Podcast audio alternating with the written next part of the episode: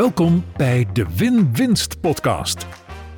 De inspiratiepodcast voor boekhouders en andere financials die willen bijdragen aan financieel gezonde en winstgevende bedrijven.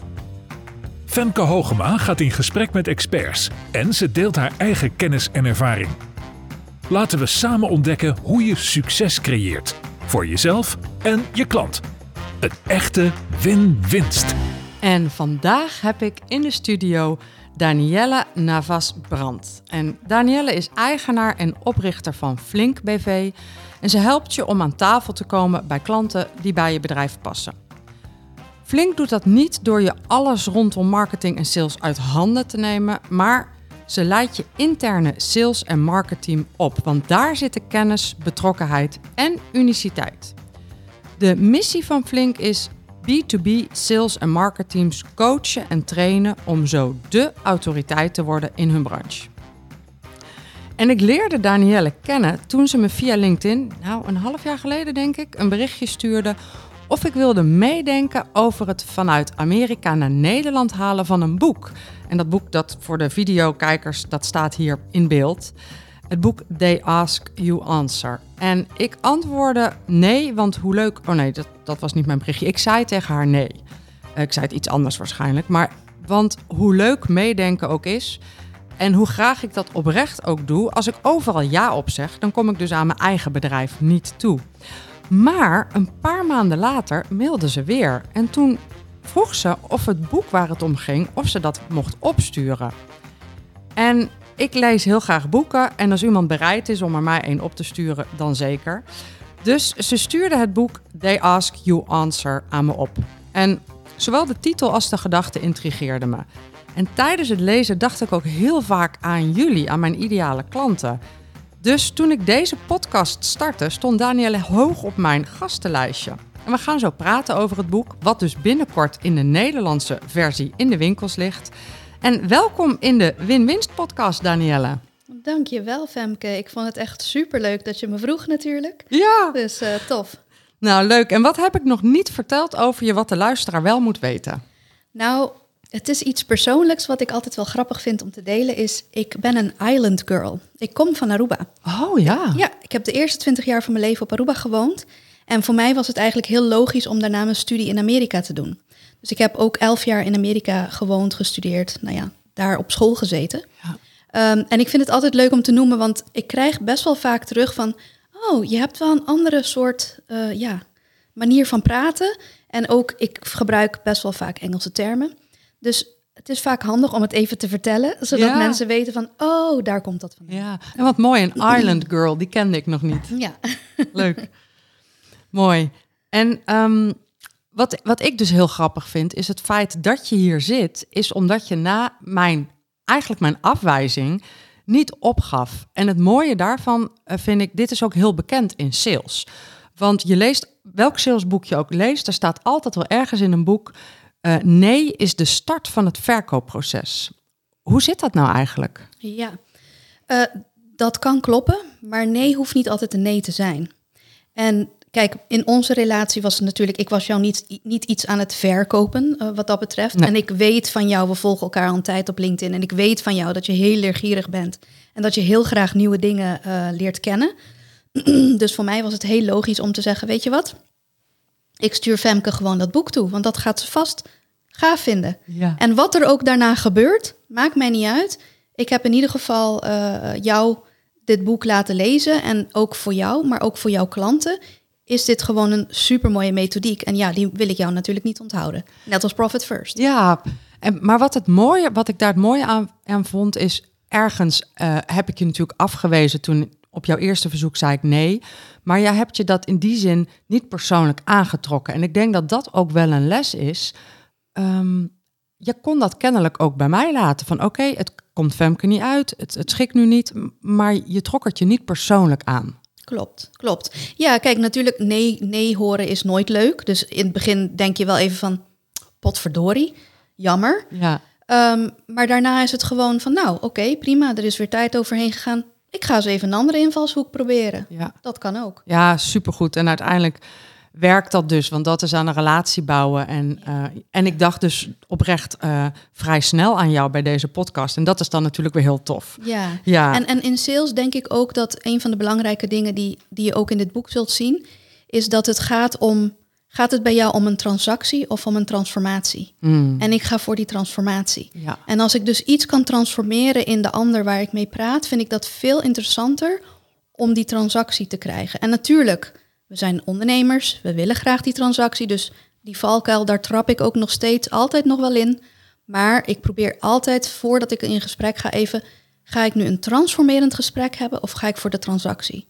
En dat, dat is het verschil. Ja, ja, en dat is wel heel mooi, want een transactie snappen we allemaal, dat is een deal maken. En wat is dan een transformatie? Nou, de ander veranderen, even laten nadenken, vragen stellen die een ander eigenlijk nooit aan die persoon heeft gesteld. En dat ze echt gaan nadenken van, oh, wacht even, ik wil dit eigenlijk anders. Ik wil die transformatie gaan maken. En dan is het natuurlijk super mooi als ze bij jou komen om die transformatie ook in te gaan zetten. Ja. Maar het gaat erom van dat je eigenlijk die persoon aan het einde van dat salesgesprek wil, het gevoel wil geven van, ik heb hier echt iets aan gehad. Ja. Ik kan iets gaan veranderen waarvan ik weet van, dit gaat mij iets brengen. Ja, super waardevol. Um, en dat begint natuurlijk ook mee dat je voor jezelf besluit, ik ga voor die transformatie in plaats van ik ga voor die snelle transactie. Ja. De ondernemer en haar boekhouding. Hoe heb jij je boekhouding geregeld? Ja, Um, nou, ik heb een boekhouder die sowieso uh, alle jaarrekeningen, uh, btw-dingen voor me klaarlegt. Uh, waar, waar ik mijn snelstart, dat is dan het boekhoudprogramma wat ik gebruik, heb, heb lopen. Dus die kan altijd meekijken met wat ik aan het doen ben. Um, maar ik moet zeggen dat ik zelf wel heerlijk vind om elk kwartaal die btw te doen. Want dat geeft mij grip op mijn financiën. Dan weet ik van oké, wat is er binnengekomen, wat is er uitgegaan, wat moet ik aan btw gaan betalen. Want als ik veel aan btw moet betalen, ja, dat is naar. Maar betekent ook dat ik goede omzet heb gedraaid. Dus ik vind het wel altijd fijn om grip te hebben op, uh, op mijn cijfers, maar ik heb het wel uh, redelijk uh, veel uitbesteed. En ik werk ook met een profit first professional die me ja, die winstpercentages heeft gegeven. En daar ben ik nu dus dit hele jaar mee bezig. Dat oh, is, wat goed, dat wist ja, ik niet. Ja, dat ja. is MKB winstadvies oh, met wat leuk. en Oh, daarom kennen ze jou. Mm. Want toen ik op een gegeven moment iets over jou op LinkedIn zette, toen corrigeerden ze me wanneer je boek zou uitkomen. En ik, ik denk dat ik verzuimd heb te vragen, waar ken jij Danielle van? Maar je, bent klant, wat leuk, supergoed. Ja, dat is leuk om te horen. Ja, dus daar ben ik dit jaar mee begonnen. En uh, nou ja, ik moet zeggen dat ik dat wel uh, super fijn vind. Ja, dus dat geeft je als het goed is, naast het boekhoudkundige inzicht, een wat breder inzicht, uh, een strategischer inzicht ook. Ja, ja. ja. Leuk, goed om te horen. En um, nou ja, je zei er net al iets over, maar in, in hoeverre stuur je op cijfers? Ja, aan de ene kant wel en aan de andere kant niet. Kijk, voor mij als ik een soort omzettarget heb, dan is dat vaak, ja, dat is heel groot. En dan denk ik, ik heb geen idee wat dat dan betekent. Dus ik probeer dat altijd terug te herleiden naar hoeveel klanten is dat, zijn dat dan? Ja. Uh, hoeveel van mijn diensten moet ik dan verkopen aan hoeveel klanten? En, en wat zijn dan die prijzen daarvan?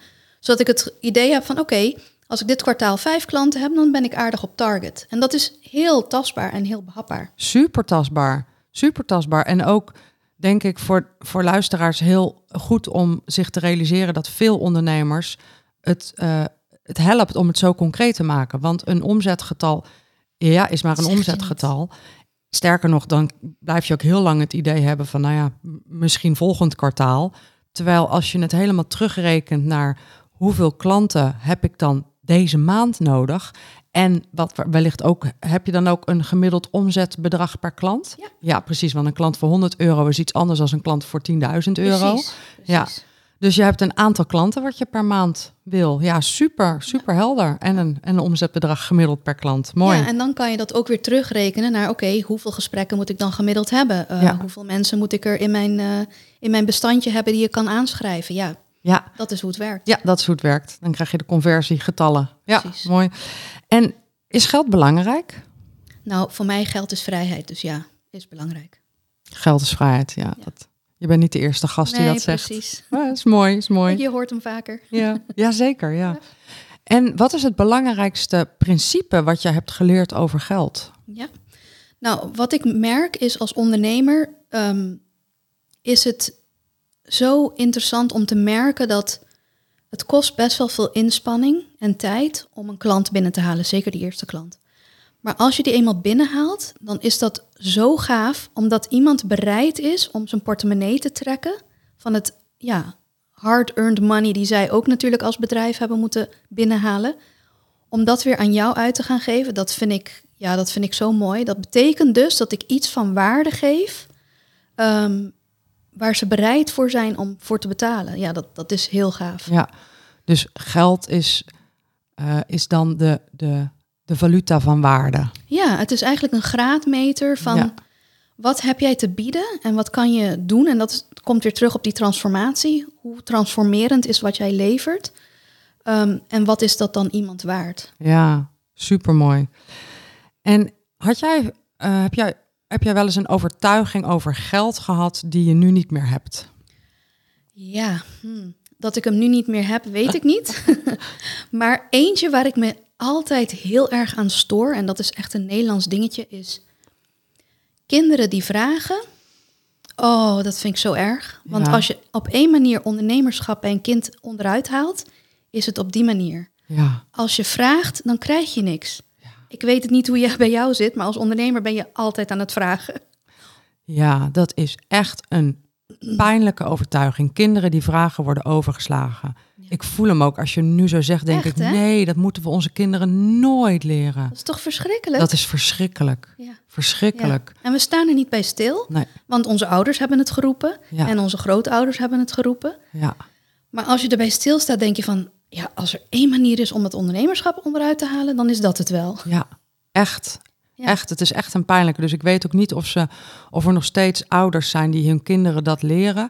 Maar mocht je nou een van die ouders zijn die dat onbewust nog wel eens zegt, dan hoop ik dat je er nu bewust van wordt en stopt met dat te zeggen. Ja, ja. want als ondernemer moet je soms gewoon om de opdracht vragen en dat Ja. moet je durven. Je moet dat durven en, en je moet ook juist als kind leren dat je niet altijd ja zult krijgen, maar dat je het wel moet blijven vragen.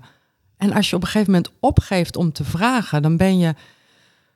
Ja, dat, daarom, daarom denk ik ook, ja, het is echt een heftige, want dat doet alles met je. Niet alleen met je business, maar ook met je plezier, maar ook met je relaties. Want als je geen verkering meer durft te vragen, krijg je ook nooit meer een partner. Het houdt op. Ja, En, en ehm, als je kijkt naar echt kinderen die dit nog nooit is verteld, dat zijn de beste onderhandelaars. Want die nemen nooit, nee is inderdaad het startpunt van de Ja. onderhandeling. ja, ja. de- Hoe kan ik een ja krijgen? Ja, hoe kan ik een ja krijgen? Ja. En het leuke is, mijn kinderen die, die hebben dat nog nooit gehoord, gelukkig.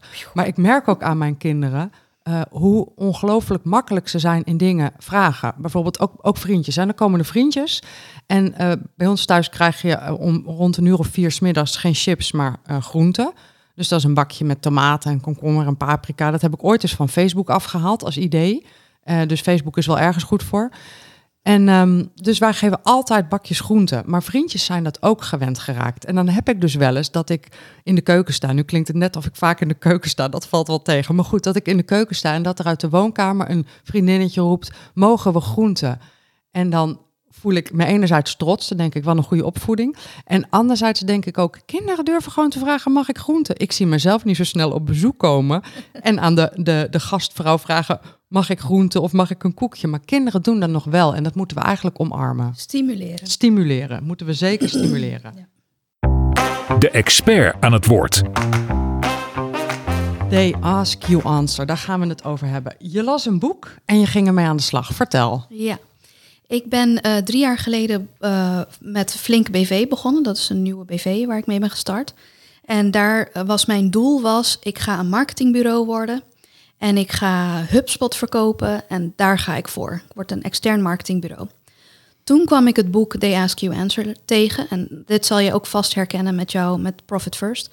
Ik las het en ik had echt zoiets van, nou ja, de, dit is zo logisch en dit is zo ja, dit moet iedereen weten. Dit is, dit is gewoon de toekomst. Hier, hier gaat het om draaien. En toen dacht ik, ja, ik, ik wil dit boek naar Nederland brengen. En dat betekende dus ook dat mijn hele marketingbureau verhaal ging op de schop. Want in The Ask You Answer is een van de belangrijkste dingen is, je moet het intern doen. Omdat dat is waar inderdaad die uniciteit zit. Dat is waar het onderscheidende zit. En dan kan je echt de, ja, de volumes aan die je moet gaan doen met The Ask You Answer qua sales en marketing. Nou, toen heb ik eh, bedacht van oké, ik ga het naar Nederland brengen. toen ben ik in gesprek gegaan met Marcus Sheridan, de auteur, via de mail. En daar hadden we een beetje heen en weer. Nou, toen had ik zoiets van, ja, ik weet het nog niet zeker. Ik zat nog steeds een beetje op dat marketingbureau gedachte. Maar toen kreeg ik een mail van Marcus en zijn team van, hey, wij zijn nu bezig met een coachingsopleiding te starten. En dat was eind uh, 2021. Wij zijn bezig met een coachingsopleiding te starten. Wat zou het jou wat lijken om daarin mee te doen? Nou, oké, interessant. Dus ik weer teruggemaild. Ja, is goed, laten we even een gesprek doen. Nou, dus wij gesprek gedaan. Nou ja, het is best wel kostbaar qua tijd en geld. Uh, echt elke week samen anderhalf uur online via Zoom. De eerste paar keer is echt een halve dag workshop online, dus best wel intensief. Ja. En daarnaast ook wel een groot bedrag voor de opleiding zelf. Maar toen dacht ik, weet je, ik geloof hier zo in. Dit is mij zo duidelijk dat dit de toekomst gaat zijn. Ik ga ervoor. Dus ik heb het toen gedaan. En toen heeft Marcus ook gezegd van, nou ja, ik heb dan een één op één gesprek met hem ook, waar ik dus rollenspel moet doen met het coachingsprogramma. En toen zei Marcus aan het eind ook van, jij moet dat boek echt gaan uitbrengen. En toen had ik zoiets van, ja, nu gaat het ook echt gebeuren. Dus toen zijn we om tafel gegaan met Wiley, de uitgever van, uh, van het boek in Amerika, een van de grootste uitgevers van Amerika. En toen was het vrij snel uh, rond eigenlijk. En toen ben ik hem gaan vertalen. Ja, geweldig. Oh, heb, je, heb je hem zelf vertaald? Ja, ik heb het uh, zelf gedaan, wel, moet ik heel eerlijk zeggen, met de hulp van AI. Ja. Oh, om een ja. eerste versie Ja. te kunnen krijgen. Maar dan merk je wel dat het, het is echt lang nog niet af Nee, hoor. is nog niet eh, af. Oh, wat leuk dat je dat zelf hebt gedaan. ja. Mooi. Je zegt, ik zag, ik, ik las het en toen dacht ik, nog, nog heel even voor de luisteraar even. ehm, het grote verschil is dus dat je als extern marketingbureau eigenlijk zegt, wij nemen je alles uit handen, maar de filosofie van, dit gedachtegoed is, wij leiden je op en je gaat daar zelf heel go- goed Ja. in worden. Ja. Ja. het idee is inderdaad, leer iemand vissen, Ja. zodat ze voor de rest van hun leven kunnen eten. Ja. In plaats van dat je steeds vis voert en ze afhankelijk maakt van jou. Ja. En dan zeg je, ik, ik, ik las het en ik dacht meteen, dit is de toekomst. Dus wat is het dan waarvan je dacht, dit is de toekomst? Nou ja, omdat dus die hele verschuiving plaats aan het vinden is dat de buyer's journey, elke koper die, die bij jou binnenkomt, die heeft waarschijnlijk al 80% van de tijd online doorgebracht zonder dat jij wist dat dit een potentiële klant gaat zijn. Maar die heeft in Google al allerlei dingen ingetikt, allerlei dingen uitgezocht, allerlei dingen uitgeplozen, voordat hij zich uiteindelijk meldde als potentiële klant. En die hele online verschuiving, dat is allemaal het domein van marketing. Is nog steeds sales content natuurlijk, maar het is het domein van marketing. Marketing is degene die de, de website beheert en de content beheert. Dus als je dat uit handen geeft, dan betekent dat eigenlijk dat je 80% van je buyer's journey, van jouw klantreis, aan het uitbesteden bent. Ja. Ik weet niet of dat slim is. Ja, dus dat is sowieso de reden om het, om het zelf te willen leren. Kan, is dat, gaat dat voor ieder bedrijf of moet je dan wel een bedrijf van enige omvang zijn met echt een marketingteam? Je moet vooral durven. Je moet vooral durven. Wat we hebben gemerkt, eh, eh, de, de voorbeelden uit Amerika, die nu natuurlijk hier eh, ook naartoe komen, is dat een klein bedrijf van een man en een vrouw, die zijn hiermee gestart. Die hebben een content manager aangenomen en een videograaf aangenomen en die zijn content gaan produceren. En die zijn van duizend bezoekers per maand naar honderdduizend bezoekers per maand gegaan. Bizar. Bizar. Dus Ja. die zijn nu eigenlijk een nieuw businessmodel aan het starten, Ja. omdat ze die leads niet aankunnen. Dus ze zijn een, een nieuw business aan het starten om die leads dus te kunnen doorverkopen naar bedrijven die net zoals hun open, eerlijk en transparant eh, zijn. Wow. En want dat is eigenlijk een heel groot deel van het gedachtegoed van het boek, is dat je, ehm, dat is ook de titel, They Ask You Answer. De, eh, de klant zit met vragen. Jij zei net terecht al, en daar gaan ze dus op googelen. En het idee van dit gedachtegoed is, als je alle vragen eh, waar de klant mee zit, als je daar nou content over produceert, teksten en video's, dan, dan ben je transparant, dan ben je open Ja. en dan gaan ze je vinden. En daar zitten dus ook vragen bij die je heel spannend vindt om te beantwoorden. Ja, doe er eens een. Dat moet je durven. Ja, Kosten en prijs. Wat kost iets? Dat Ja. is altijd, als ik dat noem, dan gaan mensen al schieten ze al in de weerstand. ja, ja. Want wat, wat, wat moet je daarover zeggen, over kosten en prijs? Nou, het is helemaal afhankelijk natuurlijk van wat je verkoopt. Kijk, als je een e-commerce bedrijf bent, dan is het natuurlijk heel raar als je een microfoon verkoopt en er geen prijs bij hangt. Dat Ja. is heel gek. Ja. Dus ja. daar is het heel duidelijk voor. Ja, ja. Maar als je diensten verkoopt, dan kun je je voorstellen dat jij niet kunt zeggen: ja, mijn diensten kosten zoveel, want zo werkt het niet. Het is afhankelijk van wat je wil en wat de waarde is, toch? ja. Nou, maar wat, een, wat iemand wil als hij googelt op wat kost iets, hoeven ze niet altijd per se te weten van het gaat zoveel euro kosten. Ze willen in ieder geval in hun hoofd een idee hebben van, goh, waar moet ik aan denken? Wat zijn dingen die gaan toegevoegd worden waardoor het duurder wordt? Wat zijn dingen die ik kan laten zodat het goedkoper wordt? Dus geef ranges, geef voorbeelden. Je kunt op allerlei manieren kun je uitleggen waar je prijs is, door is opgebouwd. Ja. En alleen door, door die transparantie te geven, stel je iemand gerust en bouw je aan dat vertrouwen. Ja. En daar schrijf je dan artikelen over, bijvoorbeeld. Ja. En als ik dan kijk naar, naar, naar de luisteraar, die eh, een van de, de visies die ik heb, is dat boekhouders en accountants, eh, financials duurder moeten worden, meer adviesdiensten moeten verkopen. Ehm, en dat zou betekenen dat ze sowieso niet, ehm, niet zo goedkoop zijn als de boekhouder op de hoek van de straat. Ja. En als ze nu naar jou luisteren, dan horen ze jou dus eigenlijk zeggen. En ze moeten enige transparant, niet enige, ze moeten transparant zijn over eh, hun prijsstelling in hun web, op hun website, Ja. in hun artikelen. Ehm, maar hoe, wat betekent dat concreet? Moeten ze dan concreet zeggen: ik ben duurder dan de boekhouder op de hoek van de straat? Of hoe, hoe moeten ze dat dan for- for- formuleren? Als dat de waarheid is, vertel dat dan gelijk. Dan Ja. ben je open, eerlijk en transparant en dan Ja. weten ze waar, ze, waar Ja. ze voor kiezen. Ja, Wat je ziet is dat mensen die op basis van prijs een selectie maken, zijn eigenlijk mensen die niet veel weten over die producten en diensten. ja, Dus als jij ze genoeg kunt informeren en eh, kunt onderwijzen over waarom is het dan duurder, wat krijg je dan wat anders is bij mij dan wat bij de inderdaad de boekhouder om de hoek. Als je dat kunt vertellen en kunt uitleggen, dan weten ze en dan kunnen ze dus een beslissing nemen op basis van kennis en niet op basis van prijs. Want zo werkt het niet. En het kan zomaar zijn dat die persoon ook zegt: Weet je wat, die boekhouder om de hoek vind ik prima. Nou, dat is toch niet jouw klant? nee, dat is niet Nou. jouw klant. Ja, en ik kan me voorstellen dat je zegt dat dat dus spannend is. En wat ik je steeds hoor zeggen is: het gaat over transparantie en het gaat erover dat eh, klanten ook een goed geïnformeerde keuze willen maken. Dus geef ze die informatie. Ook al is die keuze niet voor jou. En dat moet Nee, je durven. Dat moet je durven. Ehm, er is ook een hele andere stroming. Er is namelijk ook een stroming die zegt: ja, maar klanten maken helemaal geen rationele, weloverwogen keuzes. Klanten maken emotionele keuzes. En eerlijk gezegd ehm, ben ik daar best wel in meegegaan in die gedachte. En nu zegt dit boek, nou ja, bijna tegenovergestelde. Dus wat is nou waar? Ja, zo fijn kan je hem opvatten. Maar het is niet zo. Oh, Want welke emotie zit aan de basis van elke transactie? de emotie van ehm, ehm, eh, pijn of verlangen. Ja, maar ook zeker vertrouwen. Ja, zeker. zeker. Dat, dat, dat klopt. Vertrouwen. Ja. is een emotie. ja, ja, ja. en ja. alles wat je doet volgens de methodiek van de Ask You Answer is bouwen aan dat vertrouwen.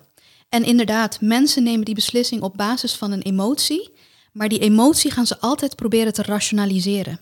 En doordat je al die content hebt, omdat emotie, daar kunnen we heel vaak geen woorden aan geven. Terwijl als je al die content hebt, dan kunnen mensen heel rationeel vertellen: ik heb dit gelezen, ik heb dat gelezen, ik heb dat gelezen. Dat is allemaal, dat klopt allemaal. Dat, dat Ja. geeft mij een goed gevoel. Ehm, hier ga ik voor. Dit vertrouw ik. Ja. ja, en eerlijk gezegd word ik, als je dit allemaal zo zegt, word ik ook wel intens blij. Want ik denk dat ik, maar heel veel andere ondernemers, eh, juist heel graag transparant willen zijn. Wij willen graag gewoon zeggen hoe het zit. We hebben helemaal geen zin in, in, in beïnvloedingstechnieken. Precies. En een van de dingen die ik het meest terughoor van mensen die dit boek hebben gelezen en deze methodiek willen omarmen, is eindelijk heb ik het gevoel dat ik ehm, de vrijheid heb gekregen en inderdaad de bevestiging heb gekregen dat dit een goede manier is van, van verkopen, van mezelf in de markt zetten. Ja, geweldig. Ja, Geen en, trucjes. en toch ga ik je nog een keer challengen. Want in aflevering 2 van deze podcast zat Aart-Jan van Erkel hier. Ja. En Aart-Jan die zegt, we moeten ophouden met content delen. Want mensen lezen geen content. We moeten eh, eigenlijk de overstap maken naar entertainment. Mhm. En dat zeg jij ook niet. Dus, dus eh, hoe zit dat dan? Lezen wij wel content of willen we, zijn we eigenlijk overspoeld met informatie en content en willen we nu het liefst geëntertained worden? Nou, als ik eh Aartjan goed ken, eh, ik heb wel, wel, ik krijg zijn nieuwsbrief ook volgens mij elke dag, toch? Stuurt Ja, hij die? ja, ja. klopt. Ja. Elke dag zit hij in mijn mailbox. Ja, En ik heb ook inderdaad die podcast geluisterd. En ik denk niet dat hij zozeer zegt dat content het niet meer is, maar dat je de content ook entertaining moet maken. En ik denk dat daar zeker nog wel werk in zit. Kijk, daar focussen we met de You Answer niet per se op. Maar je kunt je voorstellen dat inderdaad, als je je content op een leuke manier schrijft, waardoor mensen het ook graag lezen en het fijn vinden om het te lezen, by all means, zeker als dat je persoonlijkheid is. Kijk, je moet niet opeens de clown gaan uithangen omdat dat entertaining is. nee. Maar het moet wel echt bij de DNA van je bedrijf passen. En als dat bij jou past, is dat heel erg gaaf natuurlijk. Ja. ja, en ik denk dat dat een hele belangrijke aanvulling is. Wat je ook doet, zorg dat het bij je past. Ja. Ja. En dit is eigenlijk wel in dat opzicht wel echt een weer een. Hoe logisch dit ook is, het is toch een andere manier om naar, naar Ja. marketing te kijken. En dat is wel heel, heel mooi. Nou ja, het is echt salesgedreven. Het is echt salesgedreven. Ja, ja, ja. Eh, volgens het boek zijn er vijf categorieën waar klanten vragen over hebben. Wat zijn die categorieën? Nou, we hebben er net al één genoemd, prijs en kosten. Problemen. Mensen zijn geobsedeerd om in te googelen van wat kan er allemaal misgaan als ik hiermee aan de slag ga. Ja. Of als ik dit product koop of als ik dit, met deze dienst aan de slag ga. Ja. Je kunt je voorstellen bijvoorbeeld grote boekhoudprogramma's installeren of aan de slag gaan met een boekhouder. Weet je, wat, wat kan er misgaan? Wat kan er fout gaan? Dat zijn dingen waar mensen geobsedeerd over zoeken. Oh, ja. Vergelijkingen. Je kunt bijvoorbeeld, wat is het verschil tussen het ene boekhoudpakket versus het andere boekhoud, Yuki en eh, Snelstart Ja. bijvoorbeeld. Ja. Wat zijn dan de verschillen? Mensen willen dat gewoon weten. Nou, daar kan je over vertellen. Ik houd even binnen de, de boekhoud-financiën branche. Ehm, dan heb je nog reviews. Wat zeggen anderen over jou? Nou, deze is vrijwel bekend. Veel mensen vertellen hier ook wel over. Alleen zie je dat het ehm, nog niet genoeg is. Dat je echt wel veel vaker die klant aan het woord van... oké, wat heb je eraan gehad? Waarom was het nou zo fantastisch? Dus niet het wij van WC Eend, maar laat je klant het vertellen. Dat is gewoon veel geloofwaardiger. En probeer om te kijken of je die Google sterretjes kunt krijgen. Kan je ook op allerlei manieren inzetten. En dan de laatste, en deze is ook heel erg controversieel, is de beste. We zijn geobsedeerd om te zoeken wie is de beste boekhouder bijvoorbeeld in mijn regio. Wie is de beste financiële adviseur in mijn regio? Ja. Wauw. En Die is heel spannend. die is heel spannend. En stel je voor dat ik die categorie ehm, spannend vind. En dat ik zeg van nou oké, die categorie ga ik eens even me in verdiepen. Als boekhouder zijnde. Eh, hoe, hoe maak ik daar dan content omheen? Dan ga je letterlijk een artikel schrijven of een video maken, of allebei natuurlijk, met wie zijn de beste, als je boekhouder bent, wie zijn de beste boekhouders in de regio Amersfoort? We zitten nu in Amersfoort. In de regio Amersfoort. En dan ga je echt letterlijk jouw concurrenten, je conculega's, ga je gewoon noemen. En dan ga je heel rationeel, dus je gaat er geen oordeel over geven, ga je dus vertellen wie ze zijn, bijvoorbeeld waar ze goed in zijn of hoe lang ze bestaan. Weet je, je kunt hele ja, basale dingen kun je daarover vertellen. Maar de crux is, je moet jezelf niet noemen daarin. In dat lijstje. nou ja, anders krijg je een wc-eend verhaal. Ja. dus, dus Wauw, gelijk- en ik heb het natuurlijk gelezen in het boek, want daar is het voorbeeld zwembaden. Dus natuurlijk heb ik het gelezen in het boek. Maar dan nog, ik bedoel, ik ben gelukkig geen boekhouder, dus ik hoef dit niet helemaal te internaliseren, dit voorbeeld. Maar dan nog voelt het wel heel spannend om op mijn website, als ik boekhouder zou zijn, een artikel te zetten. Wie zijn de beste boekhouders in Amersfoort? Er dan vijf te noemen, waar ik ook nog enig onderzoek naar heb gedaan, waarvan ik zeg, nou, volgens mij zijn dat echt goede boekhouders. En dan niet mezelf noemen Waar zijn ze als ze dit lezen? op mijn website. Ja, There you go. wauw. Echt letterlijk. Er zijn onderzoeken naar geweest dat dit een van de meest belangrijke vragen is. En dat mensen doordat, uh, doordat dat bedrijf zulke open en eerlijke, transparante content deelde, dat mensen letterlijk zijn afgegaan. Dus ze hadden bijvoorbeeld een van die andere boekhouders in het vizier. Toen zijn ze nog een keer gaan zoeken van hey, wie zijn de beste. Toen zijn ze op, op jouw website gekomen en daarna dachten van ja, maar deze boekhouder is zo open, eerlijk en transparant. Wat heerlijk. Hier wil ik graag mee samenwerken. Wauw. Dus het brengt heel veel voordelen, maar het is, het is heel spannend. Het is een hele spannende. Ja, het is een hele spannende, maar het is, het is wel leuk. Het is sowieso qua gedachte-experiment wel heel erg tof um, om en het vraagt wel ook dat je verdiept in je concurrent. Je kunt niet alleen maar zeggen dat ze, dat ze een bedrijf hebben van vijf personeelsleden, want dan wordt het ook een beetje een lege huls. Dus je moet je er wel even in verdiepen en ook echt kijken wat maakt ze dan goed. Ja, en het hoeven geen grote verhalen te zijn. Weet je, het, het gaat erom is dat je even aan kunt stippen van. En het laat je ook zien als expert. Ja.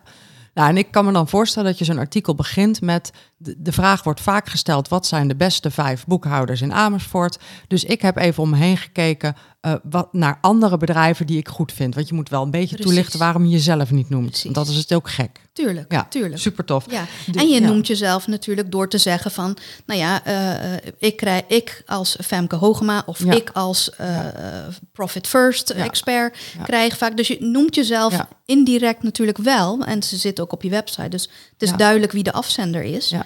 Um, dus daar niet van. Maar je gaat wel echt inderdaad super. onbevooroordeeld vertellen. Ja, en wat is een andere categorie die ook belangrijk is, maar misschien iets minder spannend? Nou, dan denk ik dat uh, bijvoorbeeld vergelijkingen is een hele fijne. Ja. Dus dat je echt vergelijkingen maakt met uh, wat is bijvoorbeeld het verschil tussen een accountant en een boekhouder. Moet je dan aan denken. Um, ja. Op allerlei vlakken. En wat is het, maar voor, voor mijn klanten, de Profit First Professionals, wat is het verschil tussen een Profit First Professional en een boekhouder? Eigenlijk moeten al mijn klanten dat artikel op hun website hebben. Ja. Super. Dus vergelijkingen. En inderdaad, boekhoudpakketten is ook super zinvol. Uh, bijvoorbeeld een van mijn klanten werkt echt alleen maar met snelstart. Dus zij zou op haar website moeten zetten: wat is het verschil tussen de, de vijf belangrijkste boekhoudprogramma's en misschien wel toevoegen en waarom ik met snelstart werk? Ja, absoluut. Waarom niet? Ja. Absoluut. Ja, super. Maar het gaat erom dat je wel onbevooroordeeld dat al noemt. Dus dan zou je beginnen met in alle openheid en transparantie. Ik gebruik altijd snelstart. Ik werk ook alleen maar met snelstart. Maar ik wilde je zeker niet onthouden wat de andere pakketten ook doen en vergelijkingen daarmee. Ja, super, super mooi. Ehm, welke vragen zou een financial wat jou betreft, uh, zouden alle financials wat jou betreft moeten beantwoorden op de website? Hmm. Dus wij hebben er eigenlijk al twee gehad. Hè? Uh, Iets van een vergelijking, iets van een, of eigenlijk al drie, iets van een refer, sowieso referenties, uh, concurrentie of de, de, de best of. Zijn er nog andere vragen die financials sowieso moeten beantwoorden? Nou, ik denk dat het afhangt en dat je dat eigenlijk die vraag jezelf kunt stellen. Van welke vragen krijg ik steeds weer van mijn, van mijn prospects, van mijn potentiële klanten, mm. die ik eigenlijk waarvan ik denk van, oh, moet ik dit riedeltje weer afgaan? Beantwoord die vraag. Ja. Zet die op je website. En als je weet dat die altijd gesteld wordt, ga hem ook inzetten in je salesproces. Ja. Ja, dus als ik eventjes uh, naar mezelf kijk, hè, um, Eén vraag die ik heel vaak krijg is: waarom heb ik een Profit First Professional nodig als ik ook het boek kan lezen? Die vraag, daar moet ik nou gewoon eens even voor gaan zitten. Kijk. Ja. Dat is een topvraag. Dat is een topvraag. En dan moet ik gewoon, dus bij deze, ik ga het niet nu doen, want ik ga op skivakantie, maar bij deze, daar ga ik voor zitten. Daar committeer ik me aan. Ja. Ja. En die geldt eigenlijk ook voor mij. Ja. Want met het boek kom je natuurlijk ook een heel eind. Ja. Maar wat maakt het dan interessant om mij nog in te huren? Ja. Nou ja zodat je niet in de valkuil Ja, dus, dus, dus jou, voor jou betekent het, waarom moet, moeten we jou inhuren om dit te, te, implementeren? Want we kunnen ook gewoon een boek lezen. Precies. Ja, precies, precies. Ja. En um, uh, wat, wat ik ook lees in het boek is dat het, uh, en het gaat steeds over educate, dus het onderwijzen, dat je je klanten moet onderwijzen eigenlijk vlak voor het verkoopproces ingaat. Uh, en het voorbeeld wat in het boek heel mooi genoemd wordt, is, gaat heel veel over zwembaden verkopen. Is dat een klant wil dan dat, dat Marcus of een collega langskomt om een offerte uit te brengen. En dan sturen ze eerst een filmpje op met informatie over de installatie van het zwembad. En dan zeggen ze, en voordat ik kom vrijdag, uh, moet je dit filmpje kijken. Um, in het Engels klinkt het altijd veel mooier. You need to is veel mooier dan je moet, maar oké, dat terzijde. En, uh, en dan checken ze ook nog even van tevoren of, of het huiswerk wel is gedaan. Ik vond dat ook heel intrigerend. De, de klant um, eigenlijk echt informeren vlak voor het verkoopmoment. Ja, ja, klopt. Dat is inderdaad wat wij merken, is dat als je 80, dus 80% van de vragen die mensen stellen, stellen ze allemaal hetzelfde. Het zijn dezelfde vragen. Als je die inventariseert en die bij elkaar verzamelt en dan iedere keer voordat je in gesprek gaat met iemand, stuur je die informatie al toe. Ja. En daarmee weet je dus dat die persoon al heel goed weet, inderdaad, wat is het verschil tussen uh, het boek lezen en het door jou uh, geholpen Mhm. te worden. Nou, dan is die vraag al beantwoord, dan weten ze dat al. Dan hoef je daar in dat gesprek niet meer op in te gaan. Daarom is dat zo belangrijk. En de manier waarop je hem formuleert om dat huiswerk ook daadwerkelijk te laten doen door jouw prospect, is door het ze vooral te vertellen dat het goed is voor hen om dit te doen. Kijk, je gaat een grote beslissing nemen. Het, de band tussen boekhouder en ondernemer, uh, accountant, ondernemer, financieel adviseur en ondernemer is een vertrouwensband. Dat is een hele belangrijke. Je gaat niet zomaar met iemand uh, je financiën blootgeven. Um, dus dat is een, een heftige keuze. En om die keuze goed te laten verlopen en om jou goed te informeren om de juiste keuze te maken die goed bij jou past, die echt helemaal voor jou op maat is gemaakt, wil ik graag dat je deze artikelen leest, dit videootje bekijkt, et cetera. Dus het is maar net hoe je hem formuleert. En dan is het heel duidelijk voor die persoon, ik doe dit voor mezelf, om mijzelf Ja. de juiste keuze te laten maken. Want het is een grote keuze.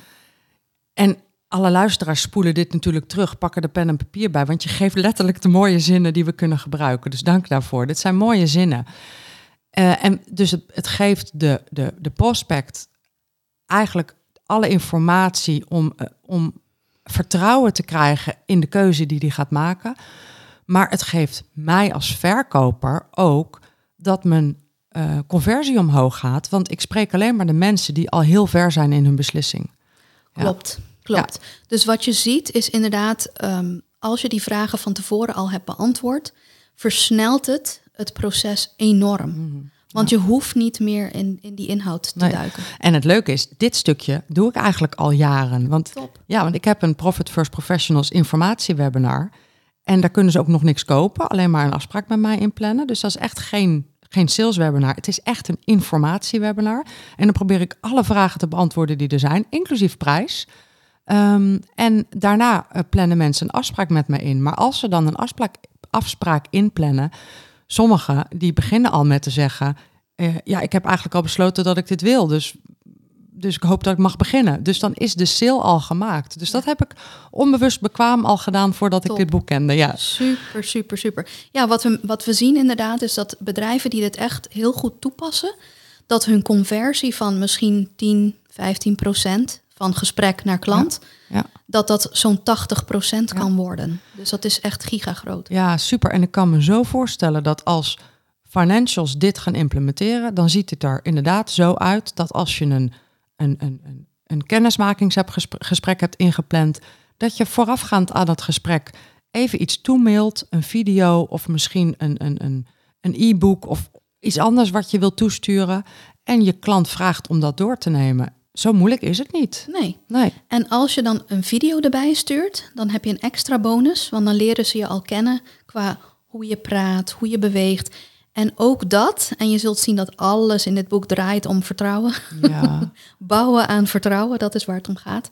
En dat bouwt ook weer vertrouwen. Als, als mensen je zien op televisie, dan gebeurt, nou ja, televisie dan, eh, laptop, whatever, Ja, ja. op een scherm, dan gebeurt er iets heel geks. ja. Dan hebben ze een relatie met jou zonder dat ze dat, dat erg in hebben. Ja, dat, dat snap ik. En tegelijkertijd denk ik, voor sommige mensen is dat ook wel heel spannend video. Oh ja, oh ja. Ja. En, en als je het spannend vindt, moet je dan gewoon een tekst schrijven of moet je dan maar je over die spanning heen zetten? Ik zou proberen om mezelf over die spanning heen te zetten. Want het Ja. is echt toegevoegde waarde. Ik merk zelf nu dat ik video veel meer inzet, dat het ook mijn conversies gigantisch versnelt. Ja. Ja. En dit, dit is er dus eentje in het kader van, eh, ja, uh, ga het maar gewoon doen, dan leer je het vanzelf. Dan wordt het vanzelf minder spannend. En stop niet na een paar video's en zeg dan niet gelijk van het werkt niet. Je moet echt zeker zo'n 80 tot 100 hebben uitgestuurd. Wil je echt zeker weten dat het of niet werkt? Nou, ik kan je garanderen dat het gaat werken. En dan heb je ook gewoon een gevoel erbij en heb je zoiets van, oh, Ja, en dat leerden we van de videovakvrouw dat je uh, je 101ste video pas mhm. goed wordt, maar die eerste 100 kun je niet overslaan. En dat vond ik ook wel ja. geweldige. Ja, ja, mooi. Je zult er doorheen moeten. Je zult er doorheen moeten. Een specifieke uitdaging van financials is de enorme krapte op de arbeidsmarkt. En kan het gedachtegoed van They Ask You Answer daar ook voor worden ingezet? Absoluut. En dat doen bedrijven nu ook al, uh, zien we ook in Amerika al gebeuren. Is dat zij kijken eigenlijk naar die vragen, die, die vijf categorieën die we net noemden, maar dan in de, uh, in de ja, arbeidsmarktcommunicatie. Ja. Dus prijs en kosten wordt salaris en arbeidsvoorwaarden. Wees daar transparant over. Vertel het maar gewoon gelijk. Want als iemand uh, gewend is om 5000 euro per maand te verdienen en jij kan maar 3000 per maand uh, bieden, ja. Ja. Dan is het heel snel duidelijk, ja, dat gaat hem niet worden. Want waar zou je die 2000 euro opeens vandaan moeten toveren? Ja, en ook daar um, maak je artikelen over. Daar kun je video's van maken. Daar kun je af en toe, als de, dus als je uh, weet dat je of nu of het komende jaar personeel nodig hebt, ga je daar op LinkedIn alvast artikeltjes over schrijven. En dan ga je het vertalen in wat zijn de vragen die potentiële personeelsleden hebben. En laat ik die maar vast allemaal gaan beantwoorden. Precies. Ja, dus dat kan je gewoon. Open, eerlijk en transparant. Hoe is het om bij ons te werken? En vertel de voor- en de nadelen. Ja, ja, super, mooi. Um, wat is een eerste stap die de luisteraar kan zetten om dit gedachtegoed in de praktijk te brengen? Nou, die is de makkelijkste vraag, Femke. Ga zitten, pak wat geeltjes en schrijf alle vragen op die je ooit hebt gehoord, ook de spannende. Schrijf alle vragen op die je ooit hebt gehoord, ook de spannende. Dat is een hele concrete stap. Ja, en dat, dat is ook niet iets waar we een hele dag voor hoeven te reserveren. Daar kan je bij wijze van spreken gewoon tien minuten gaan zitten. Echt. En gewoon eens even een hele stapel vragen opschrijven. En misschien is het juist wel intimiderend om hem te groot te maken. Misschien moet je er maar een paar doen en dan heb je het idee van... oké, okay, kan hier kan ik in ieder geval mee aan de slag. Dat kan natuurlijk ook. Maar begin ergens en zet die vragen ook gelijk in in je salesproces. Omdat je dan snel uh, resultaat gaat zien. Kijk, voordat Google je gaat indexeren duurt het even. Dus dat is altijd langere adem. Maar het inzetten in je salesproces kan je vanaf morgen. En, maar wat bedoel je daar dan mee? Dus dat is dat verhaal van voordat je een afspraak met een prospect hebt, stuur alvast informatie door van hey, ik weet, dit zijn de vragen die je altijd hebt. Lees ze eens door, dan ben jij voorbereid en dan kan je de juiste keuze maken. Ja, ja en zijn, dat zijn de twee momenten. Dus het ene moment is, uh, je gaat er content over maken wat op je website staat, zodat het door Google geïndexeerd wordt. En het tweede moment is, je gaat het toesturen vlak voor het salesproces. Zijn, zijn dat de twee momenten of zijn er nog meer momenten? Oh, er zijn gigantisch veel momenten, maar dit zijn echt de eerste twee ja. uh, waar, je, waar je als eerste voor gaat. Ja, waar je want daarna ga je natuurlijk stukjes pakken van die content. En dan ga je want in LinkedIn ga je niet het hele verhaal vertellen. Maar dan ga je stukjes pakken, kleine vraagjes, kleine onderdelen van de vragen, kleine antwoorden alvast geven op, op LinkedIn. Dus je, je kunt er in je social media natuurlijk ook mee aan de slag. Ja, ja, super waardevol. Oké, dus de eerste stap is we gaan vragen in kaart brengen, die gaan we opschrijven.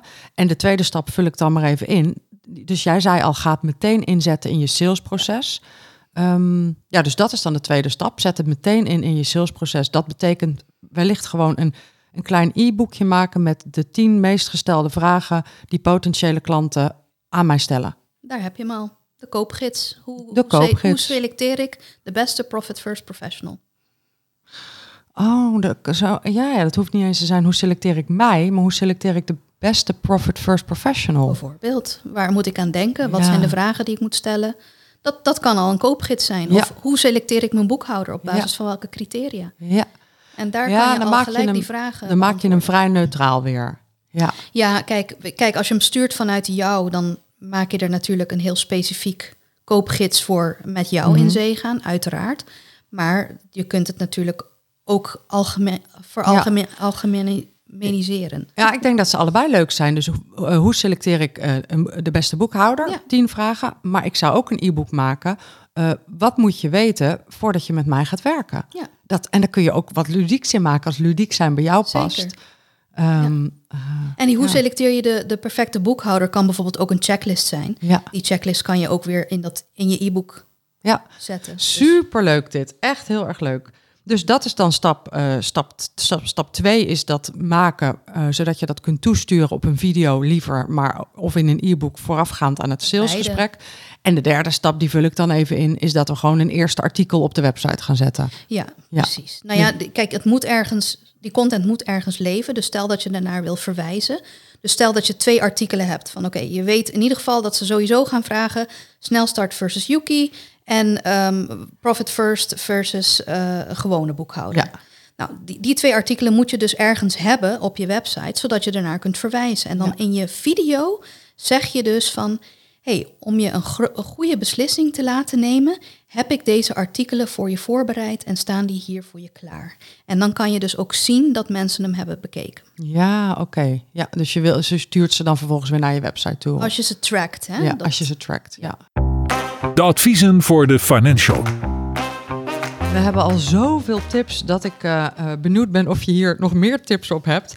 Maar wat zijn vanuit jouw expertise de drie dingen die financials kunnen aanpakken om meer winst in de breedste zin te realiseren? Ja. Nou, waar we het net over hadden, is echt winst in tijd. Dus dat je mensen voorafgaand, je prospect voorafgaand informeert Ja. met, met eh, content. Eh, dat is winst in tijd, want dat betekent dat je waarschijnlijk alvast één gesprek minder hoeft te hebben, want mensen ze hebben al, eh, al best wel veel informatie.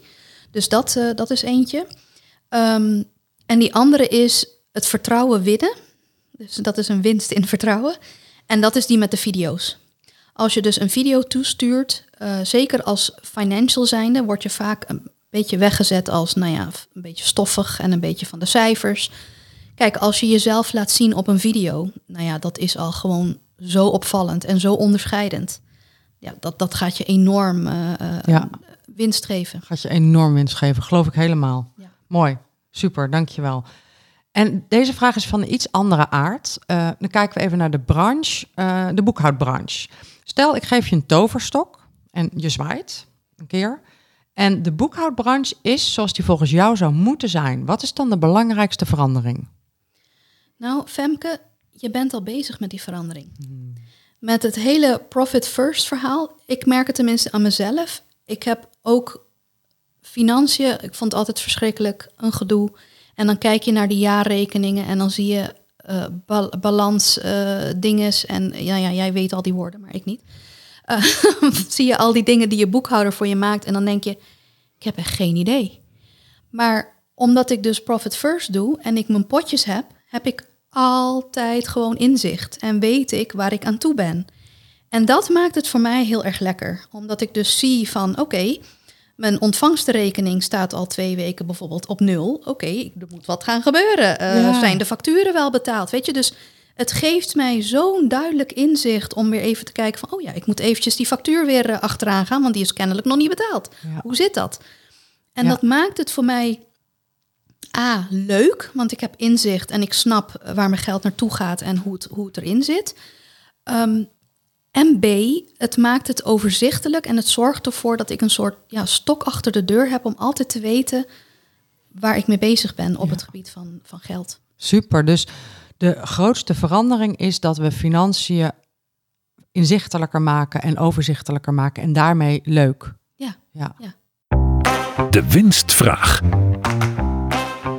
Als deze aflevering online staat, is jouw boek nog niet uit. Maar dan komt het wel heel snel uit. Dus ik zat te denken om bij wijze van winstvraag een gesigneerd exemplaar weg te geven. Ehm, dus ik zat te denken, als ik nou een post op LinkedIn plaats tegen de tijd dat deze eh, aflevering online komt, waarin ik je boek weggeef. eh, welke vraag wil jij dan dat ondernemers beantwoorden, zodat ze mee kunnen dingen? Ja, daar is over nagedacht. ik zou heel graag willen zien dat ze een link plaatsen van naar een blogartikel of een video of iets dergelijks, waarbij ze open, eerlijk en transparant iets delen wat waardevol is en waardoor een prospect geholpen is. Wat cool, dus je geeft ze gewoon huiswerk. Ze huiswerk, ze, ze krijgen hem niet voor niks. Geweldig, geweldig. Maar ze hebben er wat aan. Dus Ja, zeker. Ik vind, het een, ik vind het een topvraag. Gaan we regelen, leuk. Ehm, ben ik nog wat vergeten te vragen? Nou ja, uh, wanneer komt het boek daadwerkelijk uit? Wanneer maar... komt het boek uit? Daar heb ik dus ook nog geen antwoord op. nee, ongeveer? Ja, ik denk toch wel april, mei. Het, gaat, het is bijna klaar met de vormgeving. Dan gaat het naar de drukker. Uh, ik verwacht dat de drukker er wel eens een maandje mee zoet mee is. Ga ik even vanuit. Dus ik denk april, mei is wel echt uh, de datum waarop uh, we gaan losbarsten. ja, en nu weet ik, je vertelde, er is al een, een, een soort voorbestel-linkpagina. Dus die zet ik sowieso op winwinst.nl in de, in de show notes. En als mensen nu meer van jou willen weten, waar kunnen ze je het beste vinden? Het snelste op dit moment is via mijn uh, LinkedIn-profiel, want daar vind je sowieso alles. Ook de link naar de, naar de pagina van, uh, van het boek. Super. Uh, Danielle Navasbrand ja. op LinkedIn. Ja, Danielle Navasbrand. En dat zetten we natuurlijk ook overal in de show notes. Top. En dat trouwens, dat staat ook in de titel van deze podcast. Dus dat, dat is te vinden. Kijk. En zoveel, heel veel Danielle Navasbrands zullen er niet op LinkedIn zijn. Ik ga er niet van uit. Nee. nee. Super. Je luisterde naar de Win-Winst podcast voor de ondernemende boekhouder. En ik weet ondertussen dat er ook heel veel ondernemers luisteren naar deze podcast die zich daar niks van aantrekken en die denken het is een top podcast. Ik kreeg overigens ook al de eerste review binnen, wat ik ook heel gaaf vind. Dus vind jij dit nou ook een toffe podcast? Plaats dan ook even een review uh, op, op, ja, op je favoriete podcastplatform. Uh, dus dat kan een aantal sterren zijn, dan bij voorkeur vijf. Maar het kan ook een geschreven tekstje zijn. Dat helpt deze podcast om in de charts uh, te blijven. Want we staan nu al een tijdje op één in de podcast chart management. Wat heel erg cool is. Ja, tof. Ja, dus dat waardeer ik enorm. En dan zie ik je heel graag volgende week weer op woensdag Win Winsdag. En abonneer je op de deze podcast, dan krijg je vanzelf een seintje als er een nieuwe aflevering online staat.